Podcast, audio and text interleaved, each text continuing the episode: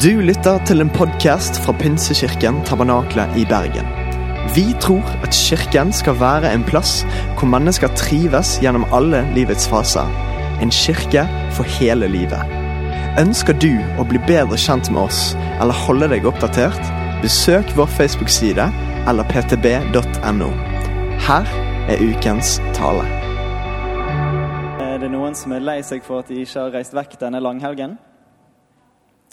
Nei, det er ingen som er lei seg. Fantastisk! Å, dette blir nydelig å være her. Det er ikke synd at dere er her. Men her så står det nå snart at det var synd. Men det er ikke synd at dere er her. Men de siste ukene så har vi snakket om eh, synd. Og jeg vurderte Jeg tenkte på så mange morsomme måter jeg kunne startet dette for å liksom sette tonen. Så tenkte jeg Nei, vi gjør ikke det. Vi bare begynner å snakke istedenfor. Så jeg dropper det. Eh, men eh, de siste ukene så har målet vært å prate om synd. Målet har vært å hjelpe å gi et språk rundt hva synd er, hva det dreier seg om. Hjelpe å gi en definisjon på det, og, og til slutt hjelpe hverandre og hjelpe oss å finne ut hvordan kan vi forholde oss til synd i vårt eget liv. Det er en som heter Henry Newin som, eh, som har sagt dette. Å glemme syndene våre er en større synd enn å begå dem. Er ikke det litt kult? Eller følte du deg fordømt fordi at du har glemt din synd? Og så sa jeg det. Jeg tror noe av det viktigste vi gjør i vårt liv, det er å fortsette å snakke om synd. Fortsette å se på våre liv, fortsette å gjøre selvransakelsen. Fortsette å ta tak i ting som, som, er der som ikke er etter Guds gode vilje.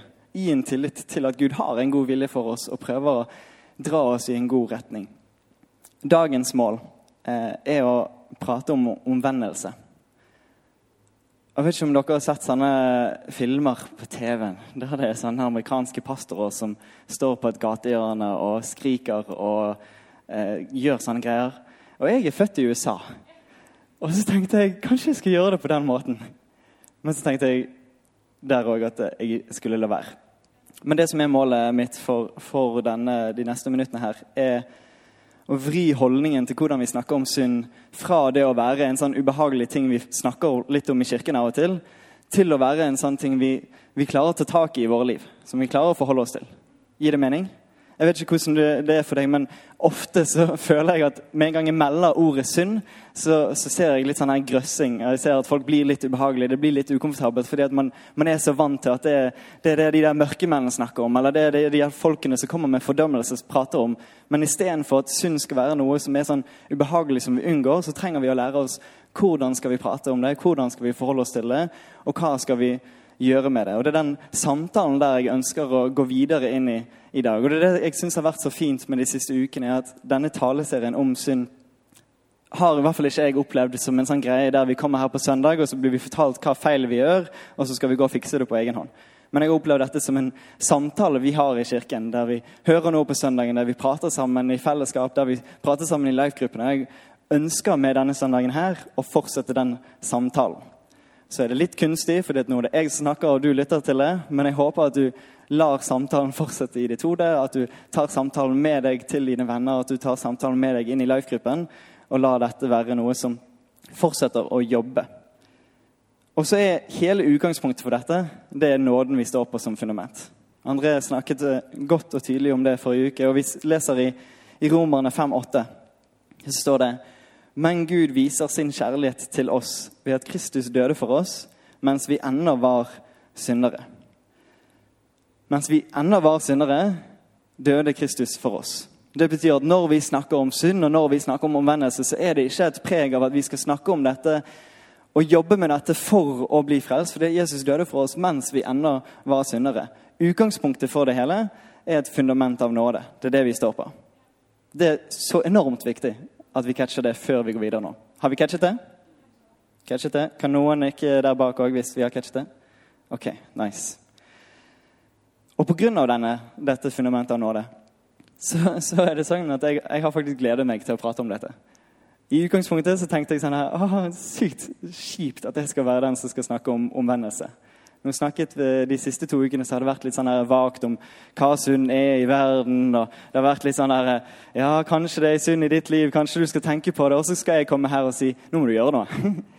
og så tenk, er det liksom så mange tanker som får meg til å tenke det skulle jeg gruet meg til. Men egentlig er jeg skikkelig, jeg har gledet meg så mye og vært, jeg vil være ganske frimodig på dette pga. det fundamentet av nåde. Fordi at Guds nåde er utgangspunktet til at vi snakker om synd. Hadde det ikke vært det, så hadde det vært, dette vært bare fordømmelse. Jeg hadde bare meldt en hel haug ting som du må jobbe med, og det hadde ikke vært noe hyggelig i det hele tatt. Men det er ved Guds nåde at vi kan få se vår synd og gjøre noe med det.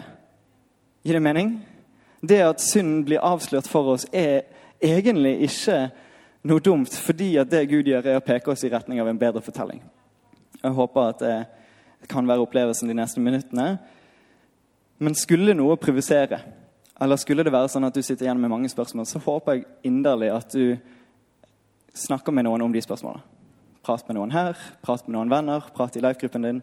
Det verste som kan skje, er at du får mange spørsmål rundt rundt kanskje noe som kan oppleves fordømmende, og så at du går og bærer det på egen hånd. Det ønsker vi ikke. Ok? Og når jeg prater om dette, så jeg et, eh, kjenner jeg fristelsen til å høyne terskelen for hva synd er, sånn at, eh, sånn at jeg ser bedre ut. Hvis jeg skal, når vi prater om omvendelse, prate om liksom konkrete synder, så skulle jeg gjerne tenkt sånn at kanskje jeg kan høyne terskelen litt, sånn at jeg går god for det meste. Sånn at jeg klarer meg fint. Lage en liten liste av praktiske greier, sånn at jeg kan liksom huke av på at uh, jeg gjør det bra. og så kan det være referansepunktet. Men det er noen folk i, i Bibelen som, som, prøver på det samme. Fariseerne de driver med det hele veien. De lager liksom de, de bøyer og tøyer ting sånn at, sånn at de er innafor, og så er det noen andre folk som er utenfor. Og så kommer Jesus hele veien og og vender på det og vrir på det og senker terskelen noe enormt for hva synd er, som gjør at du kan egentlig ikke gå derfra uten å føle deg truffet av det. Vi leser f.eks. I, eh, i Bergpreken, så sier Jesus dere har hørt det sagt til forfedrene, du skal ikke slå i hjel. Den som slår i hjel, skal være skyldig for domstolen. Men jeg sier dere, den som blir sint på sin bror, skal være skyldig for domstolen. Og den som sier til sin bror 'din idiot', skal være skyldig for det høye rådet. Og den som sier 'din ugudelige narr', skal være skyldig til helvetes ild. Så han tar det fra å være den som gjør handlingen av å drepe, den er skyldig, til at det blir den som bare tenker på det i det hele tatt. Den har gjort en synd. Og han fortsetter. Dere har hørt det sagt, du skal ikke bryte ekteskap. Men jeg sier dere, den som ser på en kvinne for å begjære henne, har allerede begått ekteskapsbrudd med henne i sitt hjerte. Dere har hørt det sagt til forfedrene. Du skal ikke sverge falskt. Du skal holde det du har lovet Herren med ed. Men jeg sier dere, dere skal ikke sverge i det hele tatt. Verken ved himmelen, for den er Guds trone, eller ved jorden, for den er hans fotskammel, eller ved Jerusalem, for det er store kongens, den store kongens by.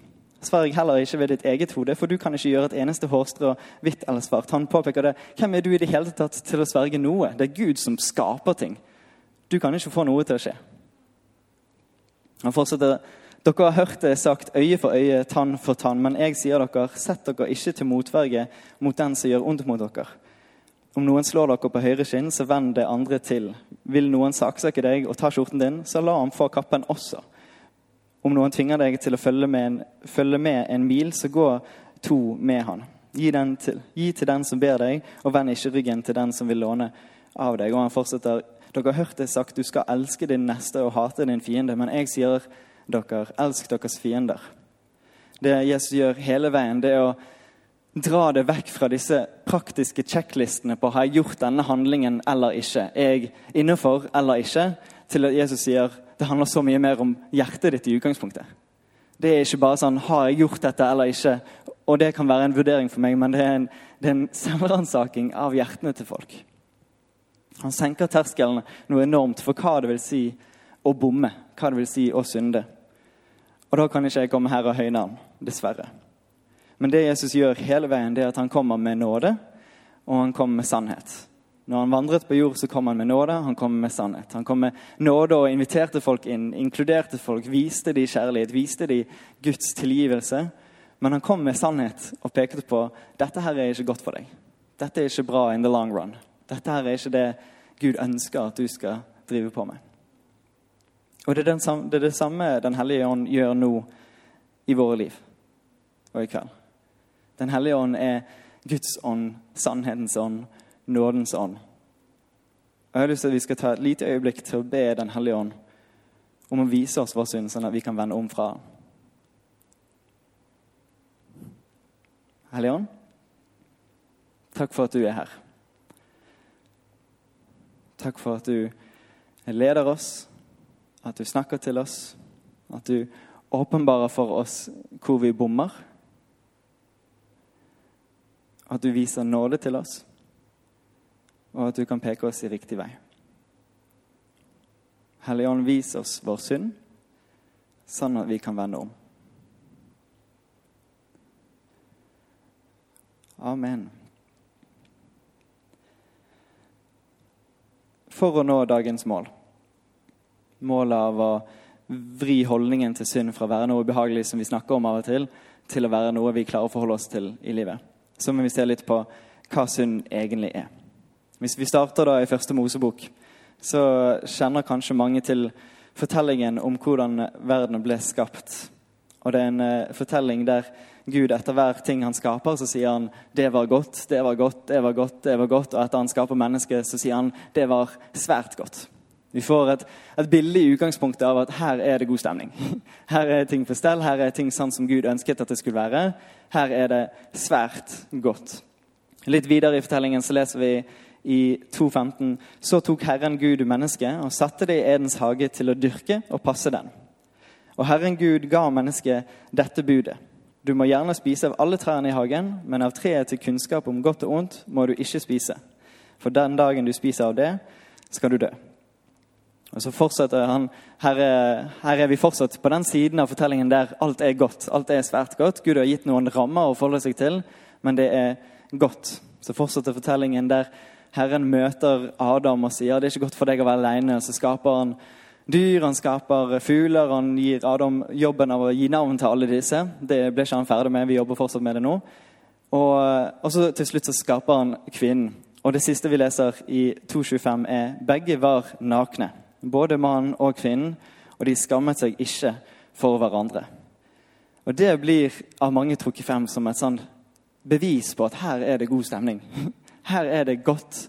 Fordi at hvor ellers kan det være to nakne mennesker der ingen er det minste skamfull over hvordan de ser ut, eller hvordan de går rundt og bare er helt naken. Det er jo helt sykt. For, jeg klarer ikke å se det for meg. Ikke se det for deg.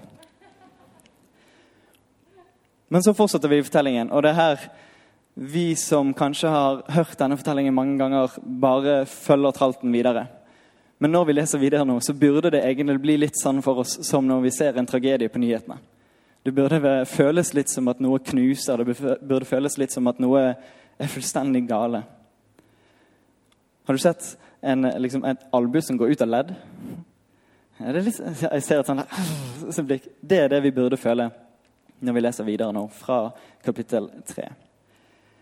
Slangen var listigere enn alle ville dyr som Herren Gud hadde laget. Den sa til kvinnen, 'Har Gud virkelig sagt at dere ikke skal spise av noe tre i hagen?'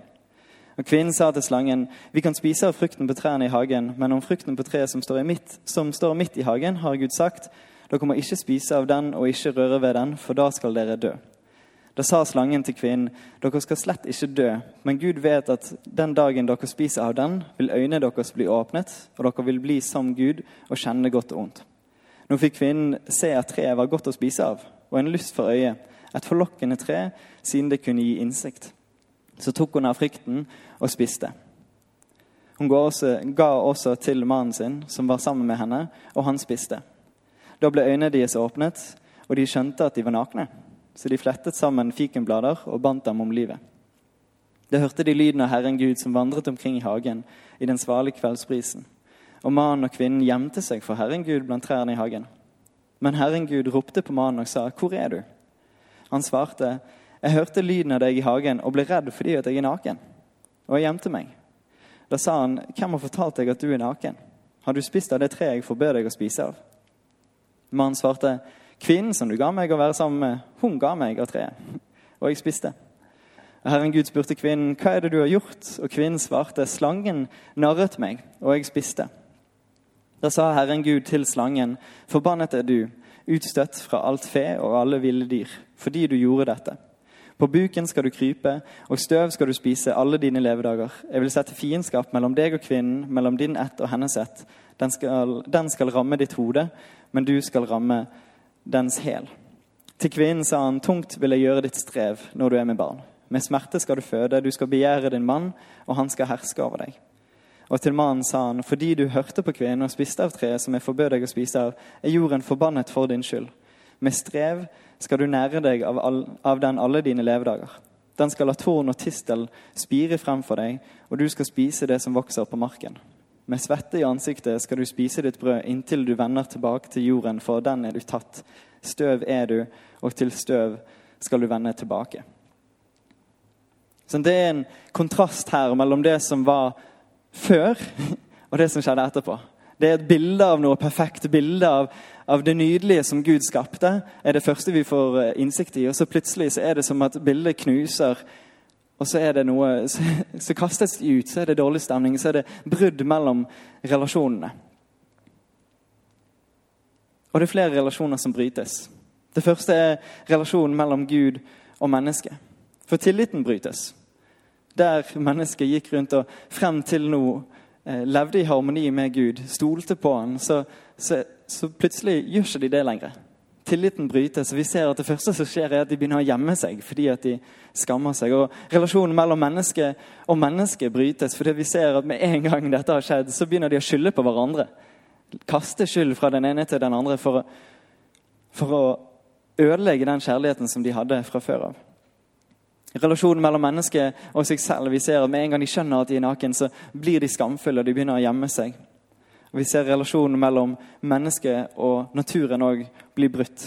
For det er ikke bare fallet, det er ikke bare synden til det enkelte mennesket vi ser blir fortalt i denne fortellingen, men vi ser at hele naturen lever i konsekvensen av dette. Jorden blir forbannet. Det er et type kosmisk fall. Paulus skriver om at alt det skapte sukker og stønner som i fødselsrier, i vent på en ny himmel og en ny jord. Fordi at det skjedde noe i det fallet som gjorde at hele jorden lever i fallet nå. Faktisk til den grad at flere steder gjennom Det nye testamentet så påpekes det at, at Herren over denne verden er djevelen. Og Det høres kanskje litt sånn forstyrrende ut, men men leder, syndefallet leder til et verdensbilde der den onde er hersker i denne verden. Vi ser i 2. Korinterbrev, eh, kapittel 4, vers 4, så står det For denne verdens Gud har blindet de vantro sinn, så de ikke ser lyset som stråler frem fra evangeliet om Kristi herlighet, han som er Guds bilde. Efesane 2,2.: Dere levde i dem på den nåværende verdens vis og lot dere lede av herskeren i himmelrommet, den ånd som nå er virksom i de ulydige. Efeserne 6,12.: For vår kamp er ikke mot kjøtt og blod, men mot makter og åndskrefter, mot verdens herskere i dette mørket, mot ondskapens ånde her i himmelrommet. Og Jesus eh, snakker selv om det i Johannes 12, 31. Nå felles dommen over denne verden. Nå skal denne verdens fyrste kastes ut. Og videre i 1633.: Dette har jeg sagt dere for at dere skal ha fred i meg. I verden har dere trengsler, men vær frimodige, jeg har seiret over verden. Så man ser i syndefallet helt fra tidlig av, så gjelder ikke det bare enkeltpersonen. Det gjelder ikke bare individet, men det er fallet i hele verden. Som leder til at det er den onde som hersker over verden her og nå. Men så er jo det vi leser, at Jesus sier nå kommer dommen over denne Herren. Men det er det som er verdensbildet i den falne verden. Og Derfor er ikke Jesus bare ferdig med å frelse enkeltmennesker, men han snakker hele veien mens han er om et nytt rike, en ny himmel og en ny jord. Fordi at selv om arbeidet er gjort, og Herren over denne tiden eller denne verden er blitt umyndiggjort, så skal Jesus fortsatt komme tilbake og skape en ny himmel og en ny jord. Og Det er det som Roald snakker om når vi ser forventningsfullt frem mot himmelriket. Henger dere med? Ok. Så nå er vi på den delen av livskiten ut. sant? Dårlig stemning. Vi fortsetter der litt til. Ok. Hvis vi skal prøve å definere synd, så, eh, så kan vi peke på ordene kata på hebraisk. Eh, Magnus, du kan rette på meg etterpå. Og eh, hamartia på gresk.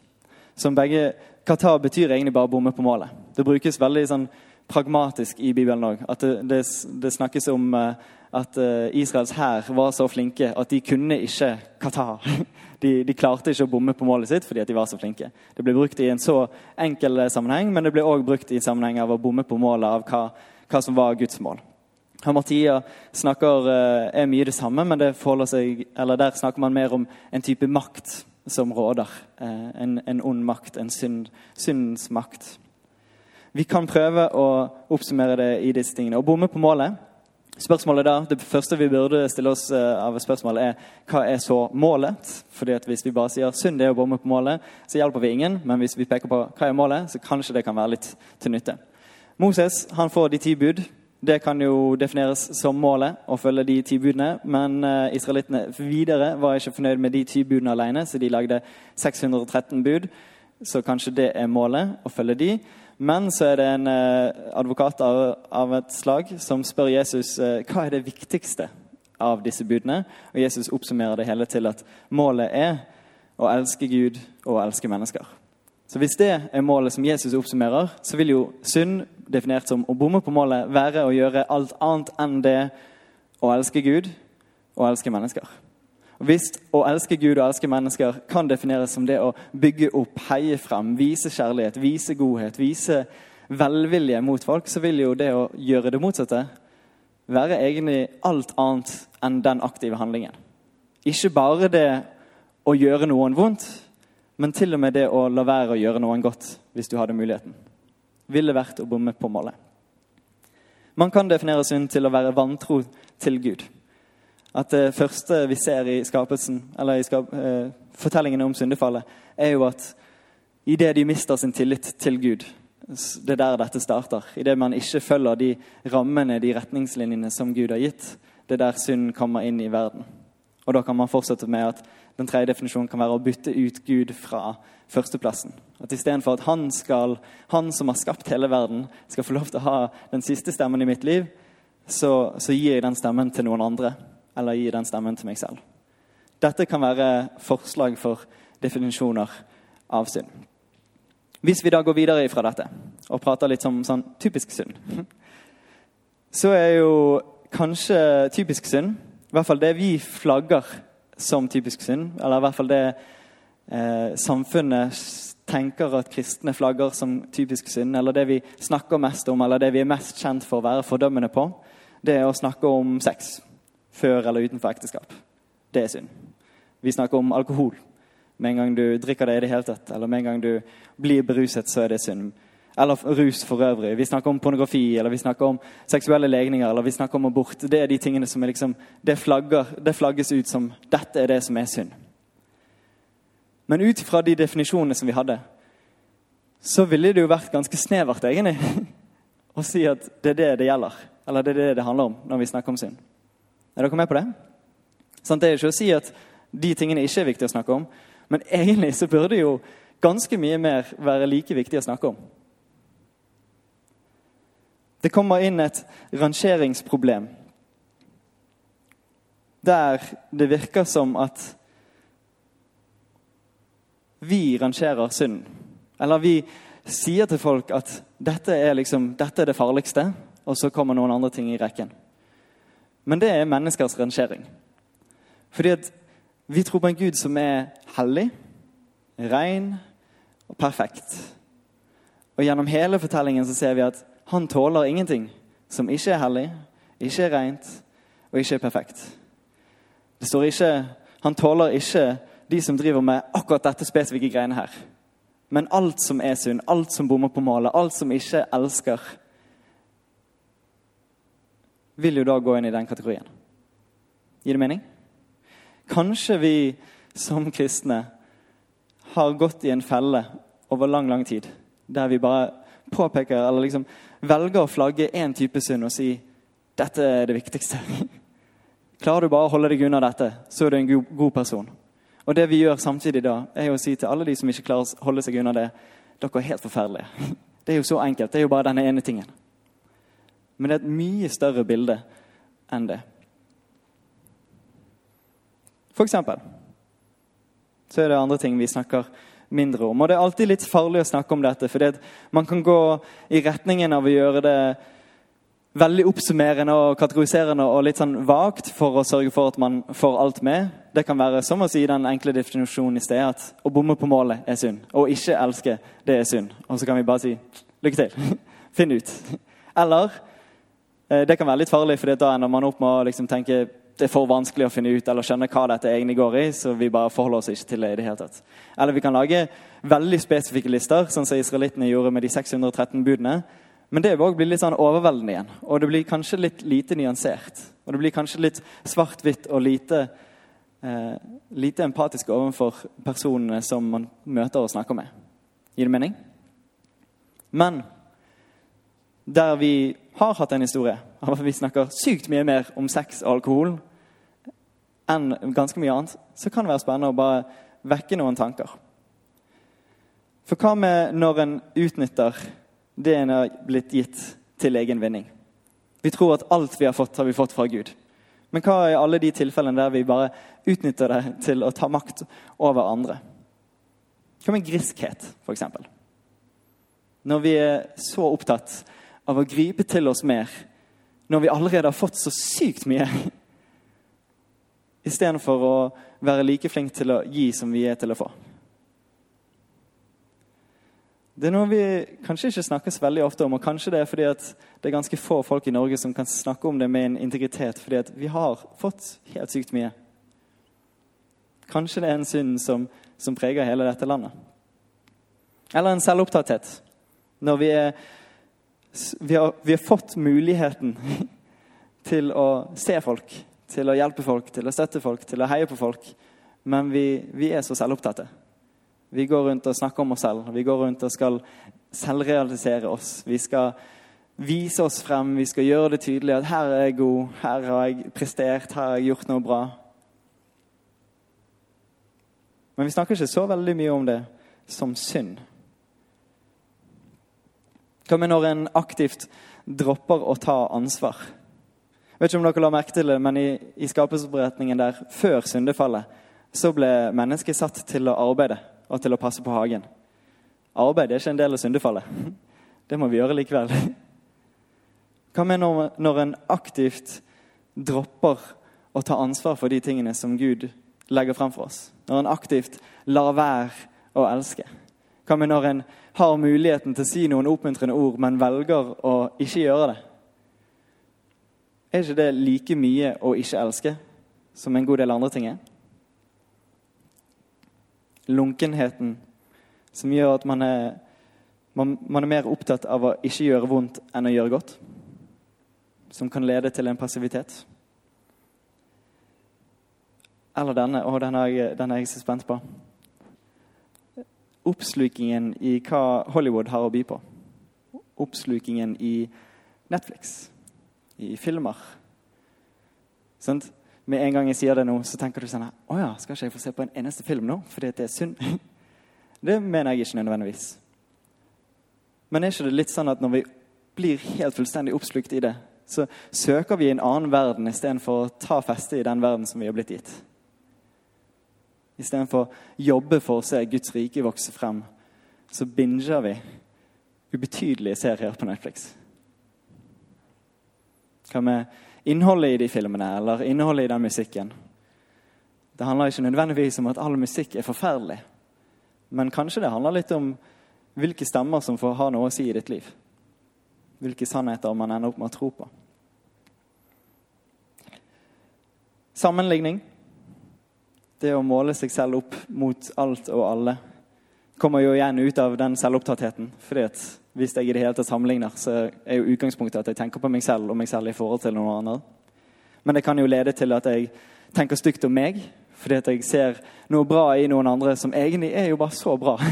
Å kunne se noe godt som Gud har skapt i noen andre. Men så vender jeg det til å handle om meg og til å handle om at jeg er jo ingenting i forhold til dette. Eller på den andre siden. At man ser noe, noe dårligere, og at man ender opp med å tenke stygt om noen andre. I begge tilfeller så er det jo ikke å elske. Det kan lede til sjalusi, det kan lede til begjær.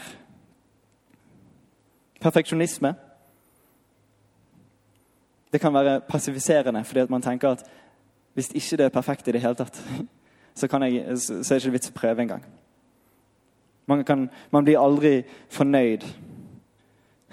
Man ender opp med å waste så mye tid på å få det bildet til å henge litt beinere. Tid man egentlig kunne brukt på å takke personen som hjalp deg. eller noe sånt. Teit eksempel. Skjønner dere greien? Det er jo ganske mye ting som jeg på en måte håper litt at du kjenner og treffer deg litt i ditt liv. Som jeg tror og er overbevist om at hvis vi tar tak i det, så vil det være mye bedre for oss, og det vil være mye bedre for folkene rundt oss. Og Hadde vi stoppet eh, talen her, så hadde vi ikke nådd målet eh, som er dagens mål. Da hadde vi fortsatt snakket om synd som noe ubehagelig, som vi snakker om av og til i kirken. Men eh, målet er at vi skal lære oss å forholde oss til dette på en bedre måte. Så hvis vi fortsetter ut, ut herfra, så er jo omvendelse det vi prater om. Og omvendelse handler om at man snur seg fra noe til noe annet. Nå har vi snakket om essensen og naturen og hva synd er. Og det er det vi ønsker å snu oss bort ifra. Men hva er det vi snur oss til? Jo, vi snur oss tilbake til det bildet som vi leste i hagen før alt knuste. Før syndefallet, før alt gikk dårlig, så var det harmoni, det var fred, det var ærlighet, det var kjærlighet, det var en ydmykhet. Det var liv sånn som Gud skapte det til å være. Livene våre sånn som Gud skapte de til å bli levd sammen med Gud. I Johannes 17,3 så, så, så forteller Jesus det at dette er det evige liv. Å kjenne den levende Gud. Det å kjenne hvem Gud er, det er det vi ble skapt til. Det er der vi er i vårt ess. Når vi vender oss bort fra synd, så er det for å vende oss til et bedre bilde, en bedre fortelling vende oss tilbake til Gud. Og det er det vi har fått en mulighet til å gjøre, fordi Jesus har gjort det mulig for oss her og nå. Å være kristen er ikke å bety at Jesus har fikset noe sånn at når vi dør, så kommer vi til Gud. Men å være kristen er å, er å forstå og tro på det at Jesus brakte himmel til jorden. At himmelen er her allerede nå. Og livet handler ikke bare om overlevelse frem til en gang vi får se noe mer, men livet handler om å kjenne Gud bedre og leve det livet som vi ble, som vi ble skapt til å leve. I 2. Peters brev så skriver Peter om at vi, vi har jo fått alt som vi trenger for å ta del i det livet som Gud skapte oss til å leve. Så sett derfor all din iver. Og så fortsetter han med en liste på å jobbe med dette, jobbe med dette, jobbe med dette, fordi at du har fått det tilgjengelig foran deg. Poenget når vi snakker om synd, er ikke å peke og fordømme men å kunne avsløre for å peke på en bedre fortelling. På en annen retning og et annet valg. Og Så kommer spørsmålet hvordan vi omvender oss. Og Der eh, kom eh, André forrige uke med, med, et forslag om at vi må begynne med å erkjenne. Vi må begynne å erkjenne at her er synd i mitt liv. Her er det noe jeg kan jobbe med. Her er det noe som, som jeg har godt av å få ut av mitt liv.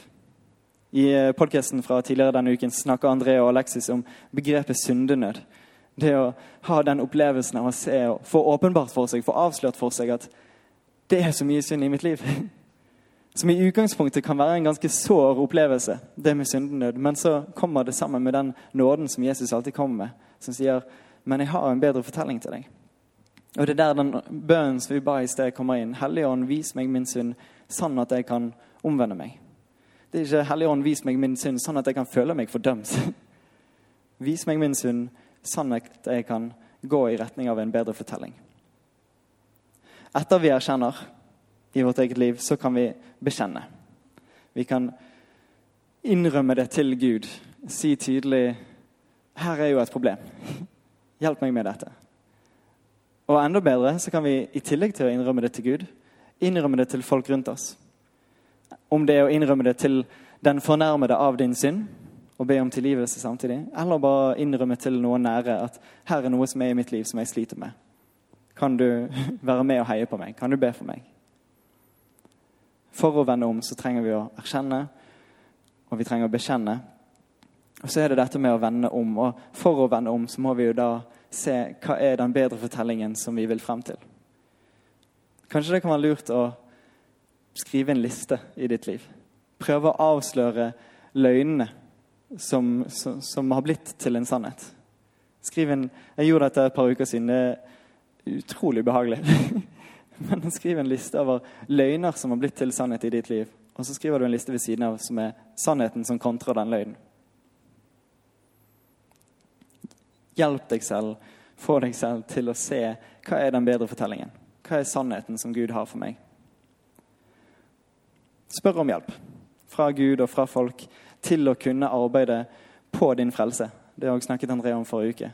Og det er utgangspunktet igjen. sant? Dette er fra et fundament av nåde. Vi, vi jobber ikke for å få en frelse, men vi er frelst, og det gir oss mulighet til å vende om. Vi jobber ut ifra vår frelse, med nåden som fundament. Jeg satt på Bibelen med noen folk og var teit. Det er jeg ofte. Um, og så tror jeg jeg sikkert var litt sånn socially uncomfortable og tenkte jeg må ha noe å prate om, og så fortalte jeg om at jeg klødde i nesen. Og at det var helt forferdelig å klø i nesen når det ikke var noe i nesen. Kjenner du igjen følelsen? Ikke så mye jeg kjenner igjen der. Ok. Det klødde i nesen, det var helt forferdelig, klarte ikke å få, bli kvitt det. Og så sa jeg det er det verste når det klør i nesen og eh, jeg ikke kan gjøre noe med det. Og Vi var tre stykk som satt i en sånn firerbås, og den fjerde personen som jeg ikke kjente, sa Vet du hva det verste er? Det å ikke ha frelsesvisshet. Jeg tenkte wow! Sykt å melde. Eh, så viste det seg at hun hadde hørt på samtalen vår tidligere og skjønte at vi var kristne. og hun var det også, eh, Men likevel imponerende. Men det verste er å ikke ha frelsesvisshet. Det verste Og jeg er enig med det.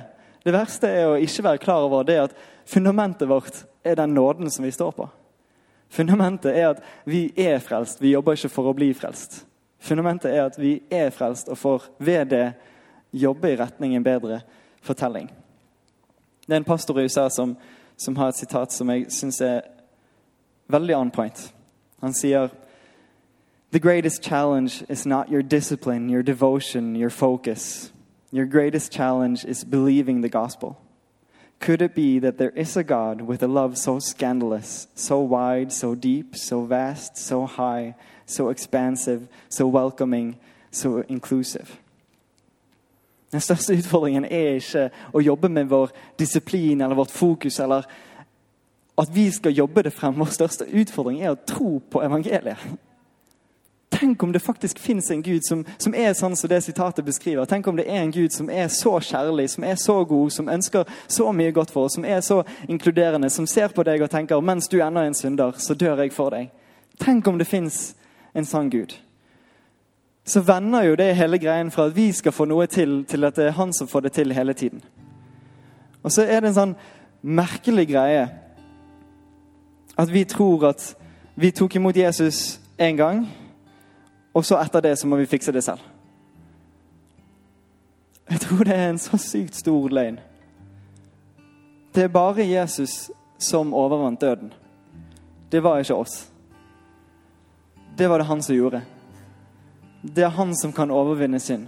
Og så er vi lovet at den kraft som, som, brakte Jesus opp fra de døde, den lever i oss. Men den, den lever ikke i oss som i form av en eller annen goodiebag av energi som bare går inn i hjertet vårt, og så bare plutselig så har vi makt til å utrydde synd. Den kraften lever i oss fordi at Guds hellige ånd tar bolig i oss.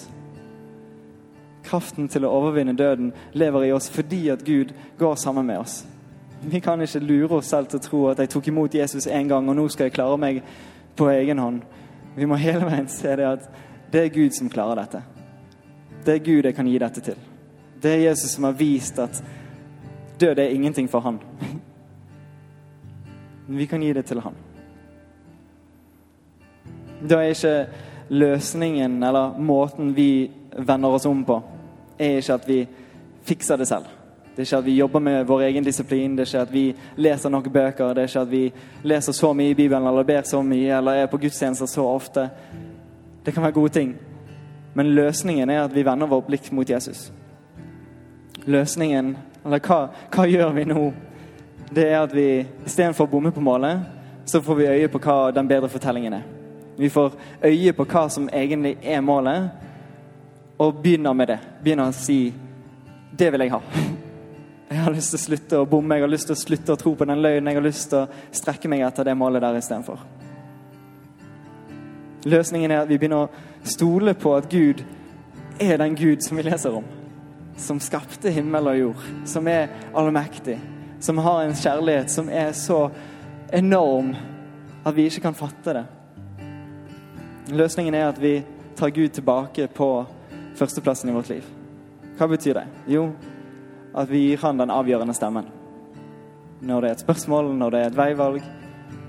At hans ord skal få lov til å lede an ut ifra en tillit til at han vet best, og han ønsker best.